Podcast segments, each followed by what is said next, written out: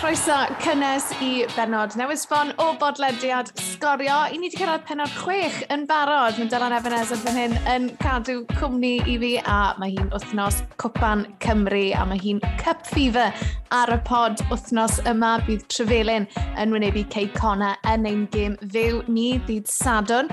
Ni'n mynd i cael cyfle i glywed gan Andy Morrison a rheolwr Trefelyn Richard Ryan cyn y gêm fawr. Cefys i gyfle hefyd i gyfweld â phrif weithredwr newydd y Gymdeithas Bill Drod Noel Mooney i drafod ei weledigaeth am y gêm yng Nghymru. A ni hefyd yn mynd i fod yn edrych nôl ar ddigwyddiadau'r penwthnos a taragolwg ar gamper Cymru ar draws y cyngreiriau. Del, siwr ti wedi bod, y peth cyntaf fi'n mynd i ofyn ti yw ti wedi bod yn hango mas dy Ashley Williams yn watchan y reslod o'ch gilydd. Do, do, just, just fi a Ash, tyfo mai, just chillio. Na, nes i fynd i weld WWE live wythnos yma, a ni wedi bwcio fe ys... O, oh, cyn y pandemig, un o'r reini sydd wedi cael ei gyrio, oedd fy Freddy'r mab yn obsessed â reslo tu a deunaw mis nhw. So ma, oedd ddordeb dy nawr. Ond oedd y tygynnau da ni, lawr o ni, pwy oedd na Ashley Williams, a oedd pawb eisiau llun dy fe. A eithon ni lan i gael llun, a dyth e lan yn ei ffys ohono i, a rhoi high five i fi a oedd llwyth o bobl o gwmpas, a fi byth di teimlo mor chuffed yn y bywyd. O'n i'n teimlo fwy o faint na wrestlers, o'n i'n 10 feet tall. Wad y teg, o'n i ddim yn 10 feet tall, cos mae'n fad yng Nghyrdydd, ond ie, uh, yeah, wad y teg i Ashley Williams. Mae'n rhaid fi weid, oedd gymaint o bobl eisiau llofn ar Ashley Williams yng nghanol hyn. Nath e siarad y pawb, nath e gael llun dy pawb oedd na, just amynedd oedd ydy'r boi. Chi'n mynd gweld hynny, mae pawb yn cwyno am Bill Droedfer, oedd e fe amser i bawb. Ie, yeah, a nes i wylio reslo na wythnos fi, random iawn. Well, let's get ready to rumble gyda uwch gyngraedd Cymru a popeth na ddigwydd dros pen wythnos. A dyl, beth yw'r beth yw penawdau sydd ydych chi'n dal dy sylw di? Ie, yeah, eblaw am y reslo.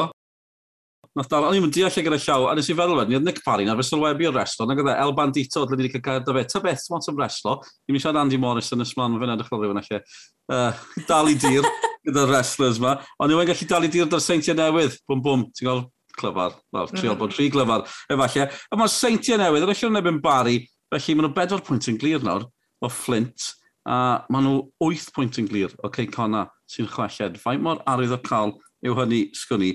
Nhw'n ennill, Cei Cona'n colli yn erbyn y bala, gartre, cic rydd Dave Edwards. Wel, mae'n wych. Cewch chi wylio. A syndod mawr gysi bod Chris Venables wedi gadael y gymryd y gic rydd. Mm. Na'r sioc mwyaf, ond bala mynd yn dda iawn ar un o bryd. O'n i'n gweud wedyn ni, hol ffordd maen nhw wedi ennill o gol, a ddwy gol i ddim, bydd i goliaeth fawr iddyn nhw am y tro cyntaf tymor yma. Jyst cwpl o bethau arwydd o cael dros y penwthnos na'r teimlad. Tŵr Sisei gyda nhw gwych o ran Holford. Mae fe wedi creu argraff. Un chwaraewr falle yn gallu gwneud gwaniaeth mawr. Aberystwyth yn ennill yn ebyn y dre newydd. Gol Jamie Veal. Os na chi wedi gweld hwnna, cewch ar wefannau sgorio. Os na chi wedi gweld i, chi'n eich afrif. 160 o filodd di gweld hon. Sioned, mae'n eitha da yeah, not too shabby a yeah, fel wedodd Dylos i chi heb wel y gol, sa'n gwybod ble diawl i chi di bod dros yr wythnos diwetha yma achos na, mae'n mae, gol arbennig a ni, ni gyd yn joio clip fach yn mynd yn, yn viral ar sgorion y gen. Be sy'n dda am pêl droed yw pêl droed yw e, a, a pa bynnag gwlad, mae gol fel am ni gael sylw ar draws y byd. A unwaith mae un gwefan yn gweld y gol, fi'n credu bod Jamie Field di mynd ar draws y byd fel y do the die. Mae'r pethau mae'n cydio, mae'n Cymraeg yn pel. Ni gyd rhywun peth yn y bôn, falle bod ni ddim yn deall yn gilydd yn siarad yn gwahanol gwledydd, ond yr un gêm yw un ag yma. Yn gymos, yn gymos. Tiod hefyd dros y penwthnos, o'n i eisiau holi ti am gol geidwed achos mae Gregor Zabrau yn Aberystwyth, mae wedi cyrraedd 5 penwthnos uh, mm. sgorio unwaith eto. Fi'n credu bod ni'n just yn gol bob penwthnos o ran 5 penwthnos. Uh, oedd e'n wych eto i Aberystwyth, nhw'n ennill yn y dre newydd, ond nhw angen o'na, nhw wedi colli peder yn olynol o gol i ddim. Fi, fel cyflog o'r Arsenal, fi wedi bod yn bang o mlaen am gol geidwaid ers wythnosau. O holl broblemau Arsenal, O'n i yn meddwl mae Leno yn y gol oedd un o'r problemau mwyaf, achos oh, mae hyder ydy mewn, dwi'n mynd yr allan i gael y bil. Felly, chael, mae Ramsdale yn dod mewn, a falle bod e'n gol geidwad gorau'r byd, a falle wneud e ddim traws newid Arsenal. Ond mae fe jyst yn helpu, Tio, a mae Zabri'n helpu Aberystwyth. Tio, mm. Pan mae ti'n tyfu fyny, ti'n cofio gol, tio, gemau Abertawe, Oedd bod troedd Abertawe tîm da, e oedd gol geidwa da yn y gol, ti'n Freestone y fydd yr arwr? O, oh, Roger Freestone, heb os un o arwyr fwyaf Abertawe, ddim jyst o ran golgeidod, o ran un o'r chwaraewyr gorau i ni wedi cael. A ti'n eitha reit, ti byth yn gallu meddwl am dîm da sydd gyda golgeidod. Wael, felly nhw yw'r y glid os lyci ti sy'n sy, gadw'r holl beth da'i gilydd. Fi'n cofio tyfu lan, o'n i'n obsessed y bwffon. O'n i'n obsessed yn y gol i'r eidl. Um, pwy arall? Yn hoff gol geirwad i o ran tu fas i Gymru, siŵr siwr o fod Gian Oblak, Atletico Madrid, mae fe yn anhygoel.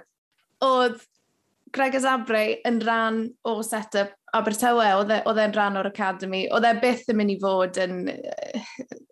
Oedd e byth yn mynd i dorri mewn i'r tîm cyntaf, ti'n gallu gweld, oedd i safon e ddim cweith na, ond mae fe'n ffit berffaith i'r gyngrair yma, a ni wedi gweld, wel, y gêm na Aberystwyth yn erbyn Met Cyrdydd, oedd e Alex Lang i fod yn dig yn, yng ngôl Met Cyrdydd, sef so, yn dau chwaraewyr gorau'r gêm um, i fi yn bersonol. A ie, yeah, dwi'n gwybod i weld sy'n mynd Zabra i wneud tymor un.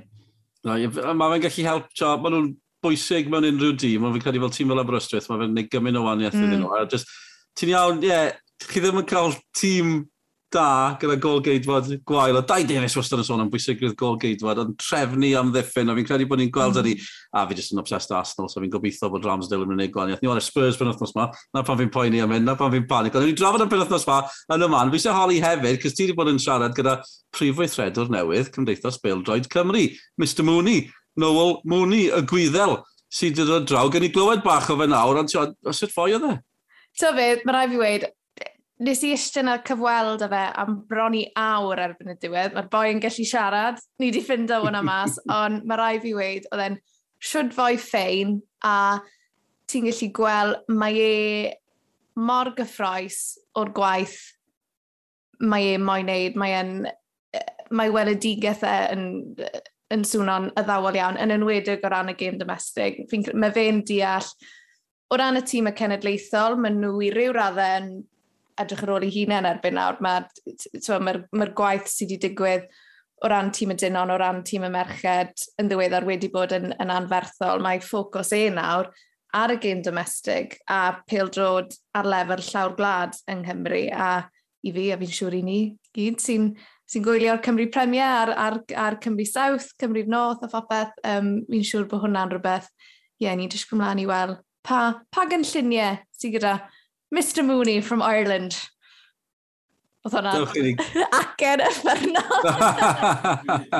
Ie, paid cael swydd yn dynwared phobl. Dewch i ni glywed gan y dyn i hun felly. Well, Noel, it's great to see you two weeks into the new job here at the FAW Festival. How's it all going and how have you settled? Oh, so far, so good. Um, I was appointed, I think, two months ago now. So I had the chance to read a lot of documents and a lot of things about Welsh football. Um, but the two weeks being here has brought it to life because we've been out with the grassroots, with the likes of Sully Sports last night and Dennis Powes. We've got out to the Cymru Premier League um, with the likes of Barry Town. Um, and we've got to spend time with the women's national team here this week and the men's national team. So we've had a broad spectrum of um, of top flight football here in Wales, grassroots football, and of course the international stuff. So when I met with the FAW, I outlined what I'd like us to be, having worked with some of the best federations in Europe, like the Portuguese, the Belgians, the Polish, uh, our neighbours in England. Um, you know, I really feel that Welsh football can be one of the best um, in Europe. The Welsh Football Association certainly can be one of the best football associations in Europe in the coming years. Um, next Monday, the 27th of September, we're going to launch Our Wales, which is about going from the park pitch, pitch to a global to playing in World Cups uh, for our women and men here in Wales. Um, there's a huge amount of work to do, um, and I look forward very much to delivering that for Welsh football. The next challenge that we have, and I know that with the likes of Scorio, for example, who do a brilliant job in promoting Welsh top flight football, um, we would love to see um, children, especially, going around wearing the TNS or Connors Key or Barry Town jersey. That's the next challenge that we face. Um, I have a lot of experience of working with European leagues um, with my work at UEFA having been the head of strategic development at UEFA for the last 10 years, I've got a very good view of what makes great football association, what creates great leagues. And here in Wales, we've certainly got the foundation. We've got a quality of play that, having seen a few of the league matches, is really good. What we need to do is to go to the next level in terms of the facilities, in terms of the professional management of the clubs. What we're seeing in European football is a movement, certainly from, and particularly post COVID, or as we're coming out of COVID, hopefully, uh, towards a new reality, which is people embracing localised events and wanting to be part of local events. I think we're, per- we're really well placed here in Wales to capitalise on that um, through our leagues. Um, but I do see uh, the Cymru Premier League as, um, as a big goal for us to improve. If we have um, an ever increasing, ever improving uh, Cymru Premier Division, that's really good for Welsh football. And people have to remember that. That's our bread and butter in many ways. Um, is making sure that our top flight of domestic football continues to improve. There is a lot of interest in it. We just need to capitalise upon that interest and get the people through the turnstiles and continuing to grow our audiences. It's like the movement, I suppose, from um, the mainstream, which, if you look at the beer market, for example, a few years ago, it was um, some of the big brands were very popular. People have moved more to kind of craft. Mm. Now, our league here, we need to move it more from the craft to the mainstream, that people here feel it's a regular thing to do, is to go and see our league clubs. Going forward, we will get stronger here. There's no question about that. We will get better. Um, and we will reclaim whatever is due to us from UEFA and from European football. So um, I see enough already to know that we've nothing to fear about reclaiming spots or getting into group stages. I'm not worried about any of that. There's enough here. Um, we just need to channel it in the right direction, make sure there's a clear plan for it. And for example, the team here in the FAW will present um, a draft plan for the league going forward, which I'm looking forward to seeing, to look very closely at the Cymru Premier Division and to put a plan in place that will deliver success for us. We can't do it on our own at the FAW, and the clubs can't do it on our own. It has to be a partnership between the broadcasters, um, the governments, the FAW, the clubs, the local authorities. There's a lot of players um, at play. Uh, you know, I hope that the next few months will allow us to put a structure in place that will see us reach our full potential. Noel Mooney, prif weithredwr newydd Cymdeithas Bêl Droed Cymru, a gŵr sy'n dangos diddordeb yn y gêm ddomestig, dim ymheth am hynny, Sioned, dwi wrth o modd ar uh, ffordd mae fe'n cymharu sefyllfa y gêm domestig i cwrw crafft, crafft beer, fel rwy'n sy'n caru cwrw crefft a caru y gêm domestig yng Nghymru. Dwi'n mynd ymlaen yn iawn dy'r boi ma, dwi'n credu. Nes i werth, pan oedd ei weid na, oedd rhan o fi meddwl, hmm, where are you going with this, Noel? Ond o'n i'n licor cymhariaeth yn fawr iawn. A mae fe'n cymhariaeth da iawn, achos os ti'n meddwl amdano fe, mae Cymru Premier gwmwys fel cwrw craff. Beth arall i ni'n mynd i gymaru e gyda? ydy, blasus iawn, ond mae'r farchnad yn gallu tyfu hefyd. Um, ti'n rhan o lawnsio di llun hefyd, mae'n lawnsio strategaeth mm. newydd um, o ran Cymdeithas Bêl Droed Cymru. Mae dyddiau diddorol na gwylio at y bethau'n digwydd tu ôl y llenni, a gwyliwch y gofod falle o ran beth sy'n mynd i ddod. Yn gwybod, mae'r ma boed yma wedi bod yn y swydd am bythefnos, uh, wel, just dros bythefnos, erbyn i won fynd mas. A ie, yes, strategaeth newydd y gymdeithas yn cael ei lawnsio bore dydd llun, felly Uh, fi'n teimlo'n lwcus iawn, byddai'n yn cyflwyno ac yn cyfweld unwaith eto gyda Noel Mooney a'n edrych mlaen yn arw i weld beth sydd yr boi wedi. Wel, del, fel arfer i ti wedi bod yn cadw llyged barcud ar bethau sy'n digwydd yn y pyramid Pil Road yng Nghymru, felly take it away. I gadw pethau'n syml, dyn nhw'n chwarae pan wythnos yma achos Cwpan Cymru, rhai yn chwarae gan yr wythnos yng Nghwpan y Gyngrair, Cwpan Nathaniel, MG. Felly yn y gogledd, dau bwynt yn gwahanu'r pedwar ucha, a ebys sydd ar y brig ar ôl taro peder yn erbyn Bai Colwyn, clyniad gwych iddyn nhw.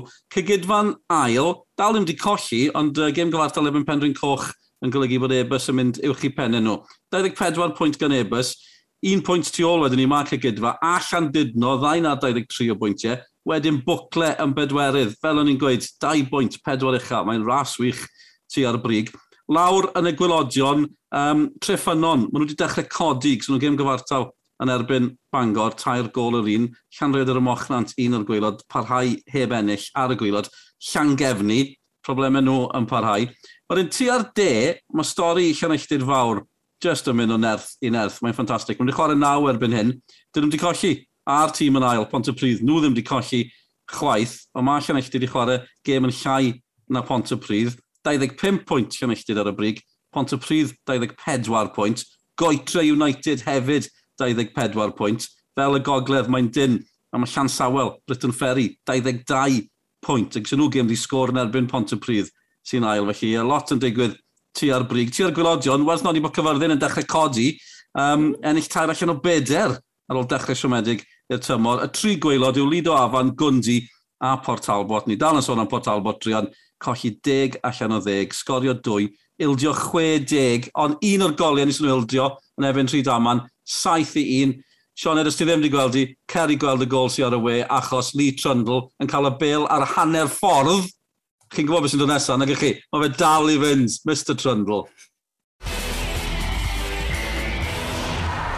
O, dyna ni. Fi wedi bod yn edrych ar y cyngreiriau is, Sioned. Amser i ti edrych ar beth sydd wedi bod yn digwydd ar y Cymru yn y cyngreiriau. ni'n posh yn gweud hynny. Oce, okay, dyma ni her y 90 ar gyfer wythnos yma a lot o ffocws ar y cwpan Carabao a ni am ddechrau Gyda Nathan Broadhead nath ei sgorio i gol gyntaf i Sunderland ers ymuno ar fenthyg o Everton yn yr haf. Sunderland yn myddi Wigan o ddwy gol i ddim i gyrraedd rownd 16 olaf cwpan Carabao. Nath Nathan ware 90 munud llawn yn y gêm a fydd Sunderland yn chwarae QPR o di cartref yn y rownd nesaf. Mr Danny Ward. Danny Ward yn ymddangos am y tro cyntaf i Gaerlir y tymor hwn yng Nghwpan Carabao ac yn cadw llech yn lan yn erbyn Millwall Caerlir yn ennill o ddwy gol i ddim hefyd. Dyna oedd ymddangosiad cyntaf Danny Ward i Caerlir ers curo Brighton o gol i ddim ym Himed rownd Cwpan FA. Oedd hwnna nôl yn mis chwefror. Anghofiwch Keeping Up With The Kardashians, fi'n teimlo fel Keeping Up With Gareth Bale i ni'n neud bob wythnos fan hyn ar bodlediad storio. Y si yn Sbaen yw bod Anna Bale yn wath nag yr oedd Ancelotti wedi meddwl yn reiddiol. Fe nath reol o Real Madrid gweud i fod yn disgwyl Bale yn ôl ar ôl ychydig ddyddiau allan, ond erbyn hyn mae rai ffynonellau draw yn Espania yn dweud gall Bale fod allan am hyd at deg wythnos. Felly newyddion drwg i Gymru gyda'r gemau enfawr yn erbyn y Weriniaeth Siec ac Estonia ar y gorwel. Mr Aaron Ramsey newyddion tipyn mwy o ddawol o ran fe oedd e ar y fainc i Juventus yn erbyn Sbeti ar nos fercher. Ramsey ddim yn ymddangos, ond mi fydd gweld Ramsey ar y fainc yn llenwi cefnogwyr Cymru gyda hyder cyn y gemau nesaf. Mae cyn chwaraewr rhyngwladol Cymru David Vaughan wedi ymuno â Nantwich Town. Nantwich yn chwarae yn y Northern Premier League a'n 8 yn y gyngrau'r Bale Road. 42 cap ac un gol i Gymru. Mae e wedi bod heb glwb ers gadael Notts County yn haf 2000 ac ac 19. Felly pob hwyl i David Vaughan a llong gyfrchiadau enfawr i Dan James. Nawr gaffe noson eitha bonkers pan oedd Leeds yn chwarae Fulham. Ath y gêm i giciau o'r smotyn. Leeds yn ennill y gêm yn y pen draw, ond y diwrnod ni nath i bartnerau neu wraigau roi genedigeth. A'n syth ar ôl i'r plentyn cael ei geni, Dan James yn jwmpo mewn helicopter ac yn hedfan i Craven Cottage ar gyfer y gêm. Felly, ie. Yeah. Ond llon gyfrchiadau. Hyfryd Sioned, ie. Yeah. Dan James, be ni'n feddwl o hyn? Ar ôl i uh, Annie, uh, merch fach fi, o, oh, yn fach, mae'n bod ni'n ar ddeg fan hyn, gythi gen i, o'n i'n methu siarad yn neb, sôn am neidio mewn hyfrenydd i, i fynd i chwarae pale droids. Sa'n gwybod, O'n i'n teimlo, da fe'n raddau, fydda goffa mynd i chwarae pel-droed. Fi'n gofyn am thw swyddau, ond mae'n siŵr bod eisiau aros da i wraig a'i blentyn. Wel, gynta gyd, fi ffili credu'r ffaith bod Dan James nawr yn dad, achos fi di nabod y boi yma ers oedd e fel yn 17, 18 a oedd e'n really cheeky chappy pan oedd e yn Academy Abertawe, felly ie, yeah, fi'n ffynu fe'n odd iawn bod Dan James erbyn nawr gyda plentyn. Um, ond mae fe'n digwydd yn aml, oedd um, Zinchenko, mas yn yr Euros, ti'n cofio fe'n colli enedigaeth um, i blentyn e, a gath e lot o stric am hwnna, ond i ni ddim yn gwybod beth sy'n mynd mlaen tu ôl y llenni, a fel wedys di, neu, neu swyddi nhw, a na beth sy'n rhaid nhw'n wneud, ond eitha cool, yn lle ddechrau helicopter glanio uwch ben yr ysbyty a sydyn reit mae fe'n goffa mynd na. Ond ie, yeah, llon gyfrchiadau enfawr i Dan James a'i partner. Ie, yeah, achos mae rhai pêl-roedwyr yn um, trefnu genedigaeth, na gynnu, achos os chi'n trefnu, tiod, uh, chi'n chi trefnu peth yma. Yn amlwg, os chi'n cael C-section ag ati, a maen nhw'n neud e o gwmpas i, i schedule pêl-droed. Mae'n ma, ma, ma fyd gwahanol, pan chi'n clywed yn pethau fel hyn, chi'n cofio faint mor fyd gwahanol yw pêl-droed, ond Maen nhw'n bobl gyffredin. Felly mae rhaid, ni'n cymryd gymryd yn ganiataol am peldroed. Dwi'n gwybod, oh, maen nhw'n chwarae tair gêm yr wythnos, dyn nhw'n diblino. Mae'r ma un pethau sy'n effeithio ni, mae rhaid bod yn effeithio nhw. Pan maen nhw'n cael gêm wael, ni'n just... So ni'n... Does dim y mynedd y cyfrogwyr peldroed i hyn mae peldroedwyr goffod gwneud, Just achos bod nhw'n ennill lot o arian. Wel, Gareth Bale yn cyhoeddi pwy ddwn yma yng nghanol Gemau Cymru, by the way, yeah, my wife's just had a baby, a wedodd e, so I'm not getting much sleep at the moment either. So, pwr dab. Ond ie, yeah, fan hyn ar bodlediad sgorio, ni'n cael pil drod, reslo, a C-sections. Mae'n rhywbeth i bopeth ar y bodlediad. Na'r peth na beth na beth ni'n trio wneud, na'n gobeith ni ar y podlediad yma. Isa hefyd, holi ti, o ran cyhoeddiad wythnos yma, cyhoeddi bod na glybiau peldroed yn mynd i fod yn rhan o gynllun peilot i ail gyflwyno, dim terasau, ond wneud i'n ddiogel i sefyll mewn gemau mm. peldroed. Wyt ti wedi bod, wyt ti wedi sefyll mewn gem peldroed o gwbl dwi'n cofio fe, blynyddoedd maith yn ôl, ti wedi cael y profiad? Sa i di sefyll mewn gêm mewn stadiwm mawr o gwbl, ti'n yn amlwg, mae yna lefydd yng Nghymru, ble fi wedi sefyll a, Oes, a watchan y gemau, ond o ran bod mewn stadiwm, na, fi'n rifang. Sain, mae sefyll mewn gêm pildrod pil byth di bod yn, yn thing yn ystod yma wedi. Um, felly, byddai'n ddiddorol i weld sy'n mae pethau mynd. Fi'n deall bod Cyrdydd hefyd o bosib yn mynd i fod yn rhan o'r peilot, so byddai'n eitha cool yn y, yn y canton, pobl o bosib yn sefyll. Ie, yeah, mae'n ma mynd i fod yn diddorol, achos fi'n cofio be ddigwyddodd trychineg Hillsborough, wrth gwrs, mm. yn newid y darlun yn llwy'r adroddiad yr arglwydd Taylor yn dod mewn, yn gweud bod rhaid i bob stadiwm yn y, yn y cyngreiri, cyngreiri uwch fod mm. yn hmm. just all-seater, dim ond seddi. Fi'n cofio, fi'n gwybod nath clybiau is, fi'n cofio, cofio ar y fetch ar ôl hyn, oedd y dal oedd y North Bank dal na, Oedd uh, Bob Bank a'r Barc Ninian.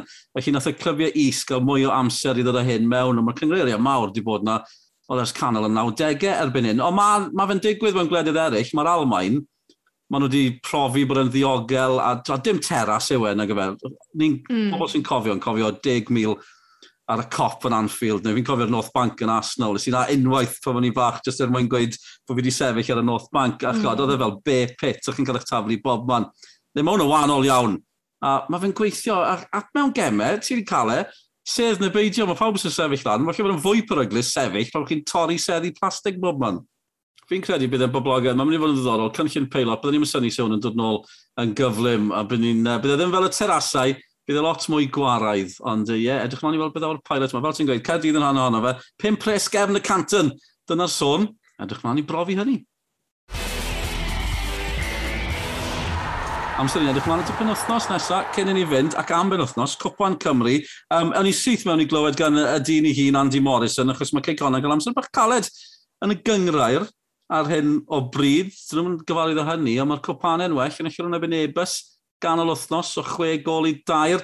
Mae nhw yn teithio i'r de i gwrdd a trefelyn o gyngrair y de, un o'r clybiau yna yn y clwstwr o gwmpas Port Talbot. Dyma beth o Mr Morrison i ddweud.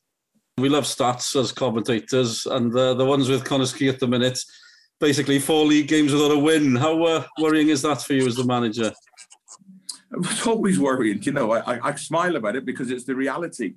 Um, you know, it, it's what it is. You know, um, it's well documented that we've had five, six, seven players missing, um, key players. You know, that's on the back of, you know, the players who've departed and you know, Waldy and Danny Harrison were, were, were big parts for us. But people forget that Priestley Farquharson left and, you know, Danny Davis moved on. Danny Davis was huge for me last year. Him and Declan Poole as our wing backs it covered more ground than any other player in the league, crossed more balls into the box than any other player. So, you know, um, we, we had, we had, we had a, a, nice shape and a pattern to us, which was um, which broken up. And that happens in football. You know, we were compounded with with a catastrophic injury list where you know we started the season with one or two subs and we're gradually getting people back you begin to get people back and then out of 180 minutes we played 110 minutes in the last two games with 10 men so you know it adds up uh, nobody's interested nobody cares because um, outside of you people only look at results but there has been factors along the way um, but like I say, I'm seeing Danny Holmes training now, you know, and he'll possibly be ready for Saturday. Jo and the same. So the players are coming back, and um, you know, when we're fully fit, I'm no different to any other manager. I need my best players available. Brilliant. With the Premier League, you are the champions. Um, there's an eight-point gap, although there's games to come against the new Saints, of course. Can you close that gap? I know it's very early. That's what we ask all these pundits. We go for the obvious. It's an obvious question, but how big is that gap at the minute? Well, I know it's eight points, but how much of a worry is that gap? Yeah, it's look. TNS have had a worse start this year than what they had last year. I think that's probably lost in a lot of people. They won seven out of seven last year and didn't concede a goal for seven games. I I, that, I hadn't I didn't remember that. No, I totally forgot about that. That's a that's a good point. Yeah. So you know, it's um, like I say, they won seven and didn't concede a goal. I think they then went to Aber and drew, um, which was the first time they dropped points. So uh, last year we were going toe to toe. We drew with Ballard, and I think we won the next six until we actually played them. So you know, it's it's not how I'd like it to be. Of course, we want more points, but I still will say it again when when I've got a full team to pick from and my squad is fit and I'm able to to um, utilize every player, then you know uh, that'll show a reflection of think of where we're at at the minute. It's fascinating stuff at the minute of the league. That's definite. Uh, just finally, Trevelin coming up. Uh, I know I won't ask if you're ready for it. You're always ready for it. You've done your homework. You what sort of a team are you coming up against this weekend? Yeah, we're coming up against a very good team. Um, I spoke with managers in the league. I watched them a couple of weeks ago against Brittany. Um, and I had them watched on Tuesday night against Barry, but then I think they had a couple of players missing, maybe resting a couple of players for us. Um, it is a huge game. It's the Welsh Cup, you know, and um, the last time the Welsh Cup was played, we were in the final. With the year before that, we were the holders. So, you know, we have a great relationship with the Welsh Cup, and we we want to go as far as we possibly can. Mindful that these are a very good team. I spoke with a manager this morning, um, who said he believed that you know they were one of the best teams in the league, uh, league below. But like um, like myself, you know, there there might have been a few of their players missing over the last couple of weeks, and that's reflected in results. But I know what uh, I know they'll be ready for us, and, and I'm really looking forward to an intense atmosphere. Um, you know, the cameras will be there again, you'll be looking for an upset. Um, the the uh, you know the the whole community are going to come out and watch the game because it's the champions coming to town. But you know we'll be training tonight and we'll train tomorrow and we'll be ready for it.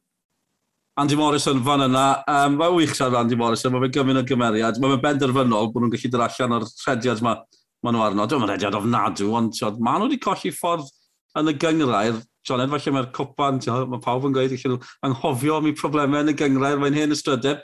Dal nhw chwech yn erbyn e-bus, felly mae hwnna'n mynd i helpu nhw, a falle fydd Trefelyn yn poeni ar ôl gweld y, y sgôr yna.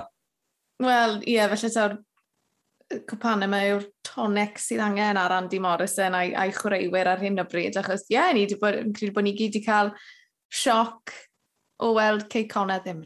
Maen nhw'n bimed neu'n weched ar hyn o bryd, wedi ni'n siŵr gall pethau newid o ran y gyngrair, ond ie, yeah, jyst gwmlaen i weld, ond, os bosib, nhw fydd yn cipio'r fuddugoliaeth yn arbyn Llefelyn. O, o, Mawr. Mae Rhamant y cwpan. Be sy'n yn wir dan di Morrison yw, sy'n os pwy maen nhw'n chwarae, bydd wedi wneud i waith cartre. Charles, gwylio nhw'n ebyn y bari. Mae fe'n ma fe wneud i waith cartre yn drwyadol. Felly, ond nhw'n chwarae um, yn y clwbio yn y cyngreiriau is cwpl o flynyddoedd yn ôl, a dda wedi gwylio nhw.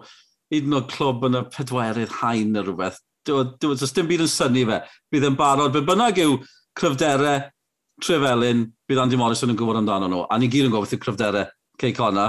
Felly mae'n mynd i fod yn brawn anodd i Trefelyn. Ond hefyd, ni'n mynd glywed gan reol o Trefelyn yn y man. Ni'n mynd i fod yna, y gêm yn fyw, ti'n cyflwyno, fi'n sylwebu, yn barod amdani.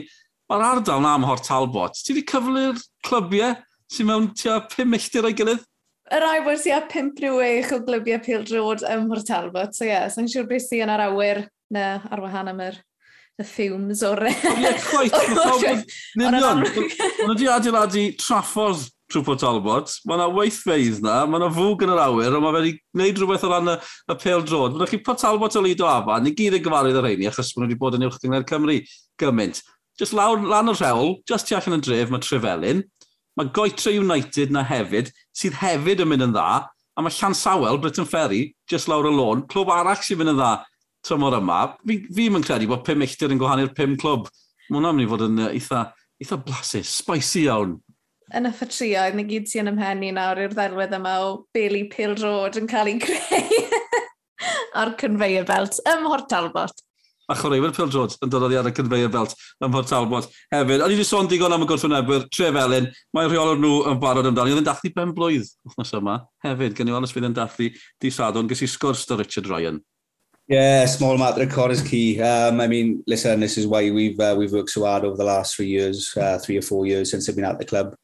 Um, we feel we had we had the players to play at a higher level. Um, the club sort of works very hard off the scenes, you know, to uh, to get in a, in a position facility wise and um, facilitate our progression. Really, you know, um, to get us where we are.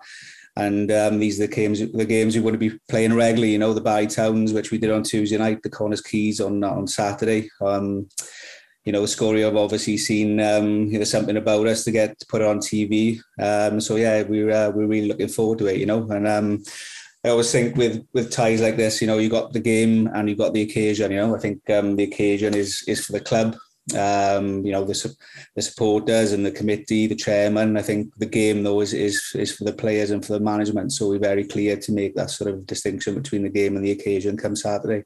Four or five years ago, this club was in the amateur league, you know, and we've um, we've come an awful long way in a very short period of time. Um, like I said, you know, I can't speak highly enough for the people behind the scenes. They make the football club um, and they've got it to where it is, you know, the facilities or, or everything you've got to have these days, you know, from 250 seats. And, you know, I know they're pushing for floodlights, which is, which is something we desperately uh, want to get to the next level. And um, who knows how that may take us, you know. But like I said, these are the games we would be playing regularly. And um, it's good, certainly good practice for that. As commentators, we like simple stats. When you've played nine, won three, drawn three, lost three, you know what's coming. But the, the, the three defeats are the last three games. So I guess that tells its own story. It's still early. Um, you know, everyone has a bad period during the season, and um, looks as if we're coming to the end of ours, and um, it's, it's still early enough to get back on track in the league. But obviously, Saturday's about the cup, and um, as long as we give a good account of ourselves, and um, we'll see where we go from there. Wel, dyna ni, Trefelyn yn barod am y gêm fawr, y gêm fyw, sgorio Trefelyn yn ebyn Ceicona, amser cynio ar S4C. Ie, um, yeah, mae ma hwnna'n mynd i fod yn mor ddiddorol. Gen i weld beth allan o'n neud. Nes nhw'n iawn yn ebyn y bari, tan dachrau'r ail hanner yn anghopan y gyngrair, ond uh, colli ffordd ar ôl ni. wedi bod yn wythnos anodd yn nhw. Ie, yeah, mae'r cwpl yma'n ddiddorol, cwpl o gemau blasus. Fi'n offi defnyddio'r term yna, siarad pil droid. Nwedig uh, clybio'r cyngreiriau is yn gobeithio, ond achosi problemau, Sioned. Cwpan Cymru, cwrw crefft penwthnos yes, yma. um, un gêm fi'n credu byddwn ni'n ddiddorol iawn yw Ebus yn erbyn Hwlffordd, hwnna ar ddydd Sadwrn am hynny'r awr wedi dau. A Ebus sydd ar frig cyngrair y gogledd, maen nhw wedi ennill 8 o'i 9 gêm cyngrair hyd yma. Os mae pethau'n aros fel maen nhw o ran y cyngreiriau, wel, nhw fydd yn cymryd lle Hwlffordd, achos mae Hwlffordd yn sefleoedd y cwmp wedi chwe bwriadol. Dweud mawr. Cymru, so, oh, so moyn fel ti'n cwmpa mas dy'r dy clybiau yma, ond tîm si ar frig, cyngrair y gogledd, yeah. hwlffordd y thib cael y dechreu'r gorau, o bosib, fydd siawn si ebys cael cynlyniad, bach do, pen wythnos yma. Ie, yeah, ti sôn am y clybiau'r cyngrair y is yn efo'n clybiau'r cyngrair Cymru, pont y pryd yn mynd i'r bala hefyd, bydd hwnna'n ddiddorol. Ond pont y pryd ar rhediad o 26 gêm heb golli ar hyn o bryd. Um, ni gyd yn gwybod Balan sgorio 17 o goliau yn erbyn Brimbo yn y rownd ddiwetha, felly os o'n i'n gorfod beto bydden yr Iani'n mynd ar y bala, ond rhediad pont y Pontypridd yn anhygol ar hyn o bryd. Pwy o i'r beall digwydd dros y penwthnos yn y gêm yna? Ti'n beth sydd wedi dal yn sylw i Canarfon yn erbyn Prestatyn, ar yr ofal, ar nos Wener, dan y llif oleiadau. Mae hon yn mynd i fod yn gêm a hanner. Jo, Rob Hughes gyda Canarfon, arfer bod gyda Prestatyn, wrth gwrs, mae'n digon o lyniaeth gyda gyfnogwyr. Gêm gwpan go iawn, mae ma nhw'n dau dîm go iawn hefyd os yw hwnna'n gwneud unrhyw synwyr. Mae hwnna bendant i dal yn sylwi. Mae Met yn chwarae bar fyd, gêm rhwng mm. dau hmm. dîm o uwch gyngred Cymru a cwpl o gem eraill wrth gwrs. Mae'n i fod yn benwthnos mawr yng Nghoppan Cymru. Uh, a ni sylweddoli, mae'n hen ffefrynnau ni Cambraian y Clydach gartre yn ebyn pen y bont. Mae nhw wastad yn rhoi croeso cynnes i unrhyw glwb i Gwm Rhonda, Bai Colwyn, Rhythyn. Mae'n anodd gwybod ble mae stopio o ran y gemau yma, ond uh, ni'n edrych mlaen amdani dim ond amaiaeth e- yma ni. A'r gem yn fyw ar sgorio, trefel yn ebyn ceicona. Un coen sy'n gyda fi Beth yw dy gwyn di wythnos yma, Del? Mae'r coen y blaw yn brisiau mynd i weld wreslo, WWE Live, okay. boes bach, oedd yn pryd boenus, gweld faint oedd yn costio. Um, y ffaith bod gemau cwpan wedi bod ganol wythnos, cwpan y gyngrair, cwpan Nathaniel MG, dwi'n gwybod bod trefn popeth dros y lle i gyd achos y pandemig ag ati. Ond mae'n drenu gemau cwpan ganol wythnos, gemau cwpan Cymru ar y pen wythnos, fel Trefelyn, Mae'n nhw'n edrych ma'n gymaint i herio clwb uwch yng Cymru. Mae'n nhw'n gwrdd â dau mewn wythnos, y bari ganol wythnos, wedyn cei cona. Bach yn anheg ar y clybiau llai, ond na fe. Na'r unig coen, dwi'n yn gwyn mawr. Wel, dyna ni am wythnos arall. Diolch o galon i chi am ymuno, a fi Adel, a'r bodlediad sgorio. Cofiwch tan ysgrifio, be bynnag i chi'n cael eich podlediadau ni. A chofiwch hefyd, Trefelyn yn erbyn Ceicona yn fyw ar S4C am hynny'r awr wedi diddeng bydd sadwn yma. Felly wrtho fi, Adel, welwn i chi tro nesaf.